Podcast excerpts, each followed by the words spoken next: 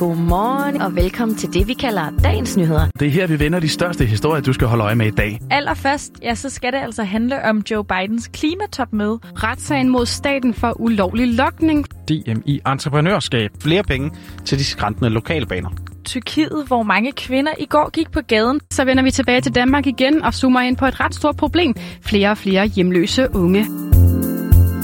Dagens nyheder udkommer hver morgen med et nuanceret overblik over de nyheder, vi synes, du skal lægge mærke til.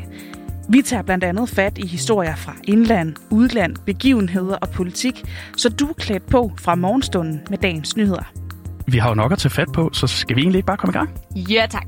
Velkommen til dagens nyheder.